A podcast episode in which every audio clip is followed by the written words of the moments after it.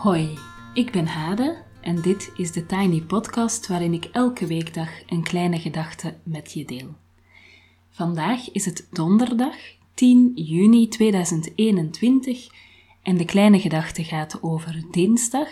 Ik ga namelijk een dag uit mijn leven met jullie delen.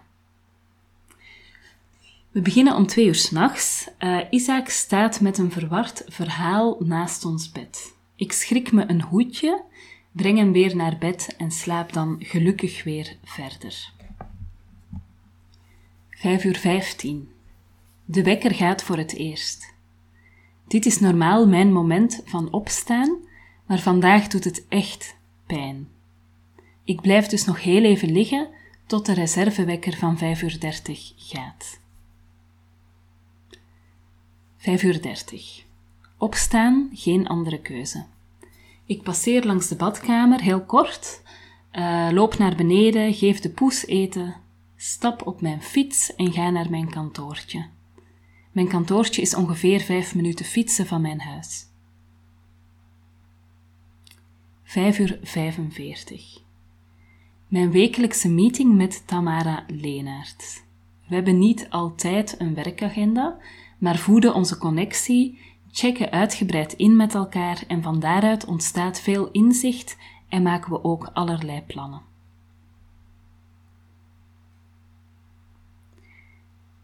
Zeven uur.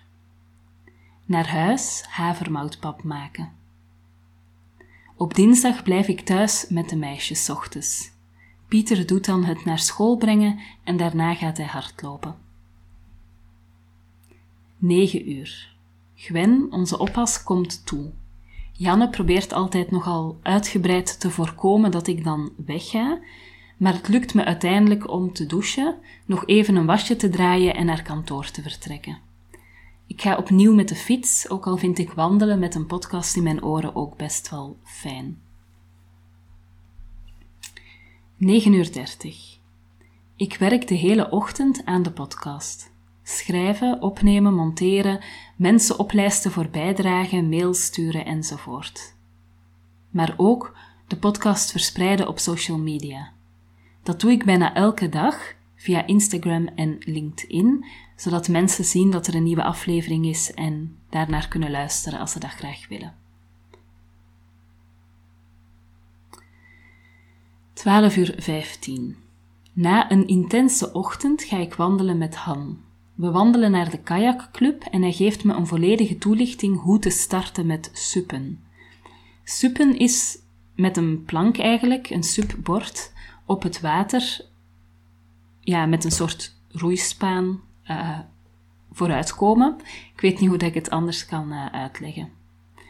Haarlem heeft veel grachten met weinig stroming en het is dus mogelijk om, een, om, een, ja, om in Haarlem dan een rondje te suppen. Geen ingewikkeld gedoe met ergens vertrekken en dan daar bij een eindpunt een vervoermiddel moeten hebben om dan weer terug te kunnen naar het beginpunt waar je spullen of weet ik veel wat allemaal uh, zijn. Maar gewoon een rondje suppen en weer uit het water kunnen komen waar je vertrokken bent. Handig. We spreken af om woensdag te gaan suppen om 8 uur 15. Na de wandeling met Han haal ik een broodje bij de kaascompagne. Of kaascampagne, ja, uh, ze hebben lekkere broodjes met geitenkaas en van die tomatencaviar. Dat zijn heel kleine tomaatjes um, die open spatten in je mond en dan zo'n soort van zuur, scherp, heerlijk uh, smaakje geven. Ik lunch op het bankje voor mijn tiny office met een podcast. Uh, ik ben aan het luisteren naar Killed Alberta Williams. En als je meer wil weten over de podcasts waar ik naar luister, dan raad ik je vooral aan om de podcast van gisteren te beluisteren, waarin ik dus um, deel welke podcast ik luister en waarom en wat ik ervan vind. 13 uur 45. Ik maak koffie en bereid me voor weer aan de slag te gaan. Ik heb een, voor mijn doen echt een uitgebreide pauze genomen. Ik ben al wat gespannen omdat ik weinig werktijd over heb. Ik begin met het nalezen van een deel uh, van de cursus 30 Days of Morning Pages. En het is denk ik al de derde of de vierde keer dat ik dit materiaal volledig doorneem. En ik vind het telkens wel heel fijn om die cursus opnieuw te lezen, te voelen dat de dingen wel kloppen. Ehm, ja, dat er wel thema's in zitten die belangrijk zijn ehm, en dat alles samen ook wel een diep en rijk programma is voor inner work via schrijven. Het is dus een cursus die volgens mij ook echt wel de diepte ingaat als je alle opdrachten ook echt uh, doet. Een blik op mijn to-do-lijst leert me dat dat nette lijstje dat ik heb gemaakt met maar liefst 29 items te optimistisch was. Vier gedaan, nog 25 te gaan. Dat gaat uiteraard niet meer lukken. Ik werk nog even verder aan de podcast, want door alle onderbrekingen van de laatste maanden heb ik weinig vooruit kunnen werken. Een aflevering is gemiddeld 3 à 4 bladzijden en ik schrijf alles eerst uit, dan neem ik het op. Soms heb ik daarvoor ook wel meerdere pogingen nodig. Um, ik monteer, ik publiceer en ik zet die podcast dus elke weekdag uit via social media. Soms werk ik ook echt wel wat vooruit. Ik um, een bepaalde rubriek bijvoorbeeld al maak voor een paar weken, maar nooit heel ver, omdat ik echt de connectie wil houden met de podcast. Dus um, in principe kan je alles zo instellen dat dat zichzelf publiceert op het juiste moment. Um, maar ik vind het echt belangrijk om niet een soort voorgeprogrammeerd afstandelijk iets te maken, maar gewoon een levende podcast die meebeweegt met hoe ik beweeg, zeg maar. Uh, dus vandaar probeer ik echt het maken en het publiceren niet extreem ver uit elkaar uh, te leggen. Wat niet wegneemt dat ik graag eens een kleine uh, workation zou doen om twee dagen lang bijvoorbeeld alleen maar materiaal te schrijven en materiaal te creëren en ook nieuwe rubrieken te creëren. Ik heb een paar rubrieken die al een tijdje in mijn hoofd zitten, maar dat vraagt best wel even een inspanning om daar een uh, beschrijving van te maken en om dat dan te gaan ontwikkelen. Um, maar die workation zit er helaas even niet in momenteel. 15 uur 25. Haasten. Ik heb zo oudergesprek op school. Om 16 uur gevolgd door een evaluatie van onze oppas met het bureau waarvoor ze werkt. Dus tussen 15.30 uur en 17 uur 15 heb ik uh, eerst het, een gesprek gehad op school. Tot mijn grote verrassing uh, ging het gesprek over dyslexie. Achteraf denk ik, hoe kan het dat ik dan niet zelf heb vermoed uh, gezien mijn jongste zoon van zeven wel elke dag leest, uh, ook met mij. We huren ook een studenten in die met hem leest. Um, hij krijgt extra begeleiding op school. Uh, hij leest ook heel veel Donald Duckjes. Um, dus hij leest wel, maar hij komt eigenlijk niet goed vooruit. Of ik zie niet genoeg um, vooruitgang in dat proces.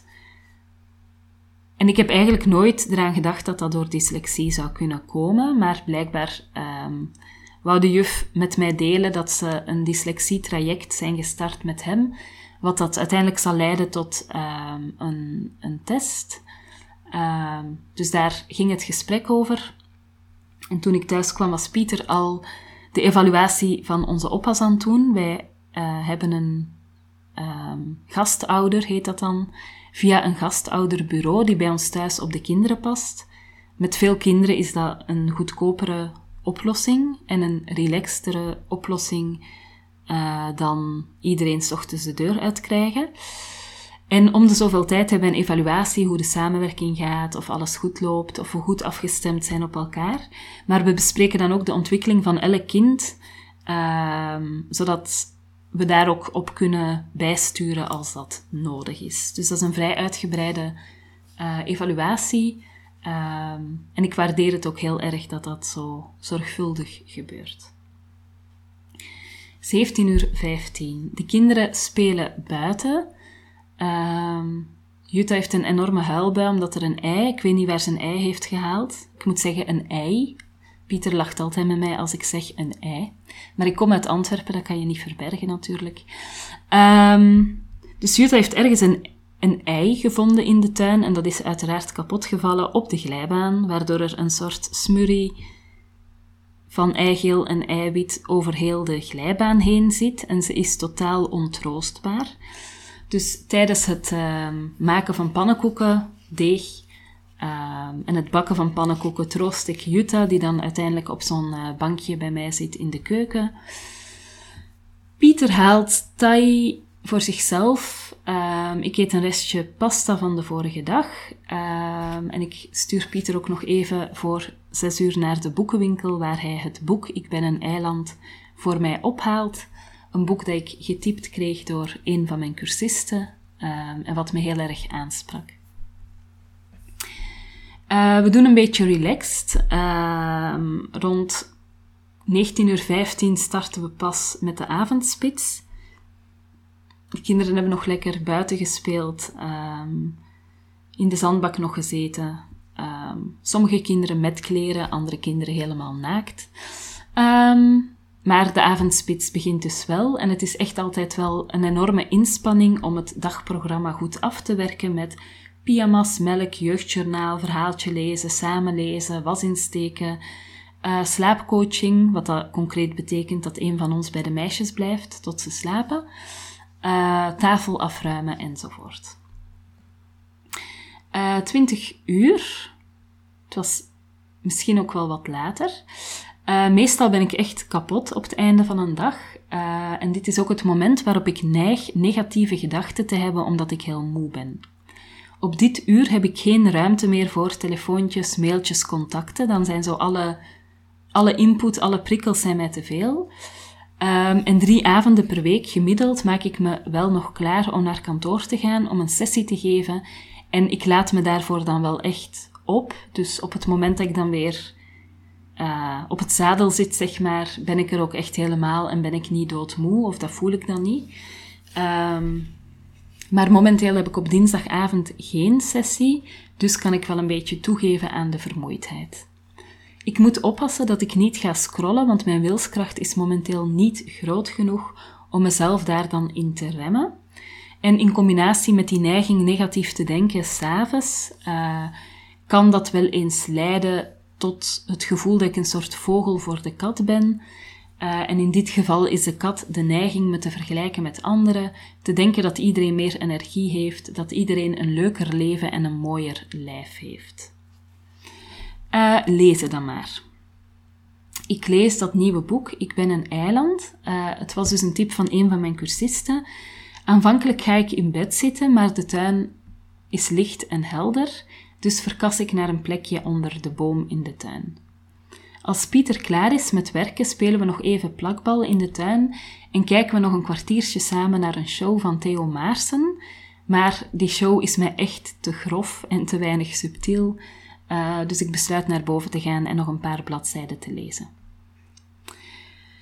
Ik denk dat we rond 22.30 uur uh, in bed liggen. Uh, lekker slapen onder het verzwaringsdeken. Ik weet dat ik morgen weer vroeg op ben.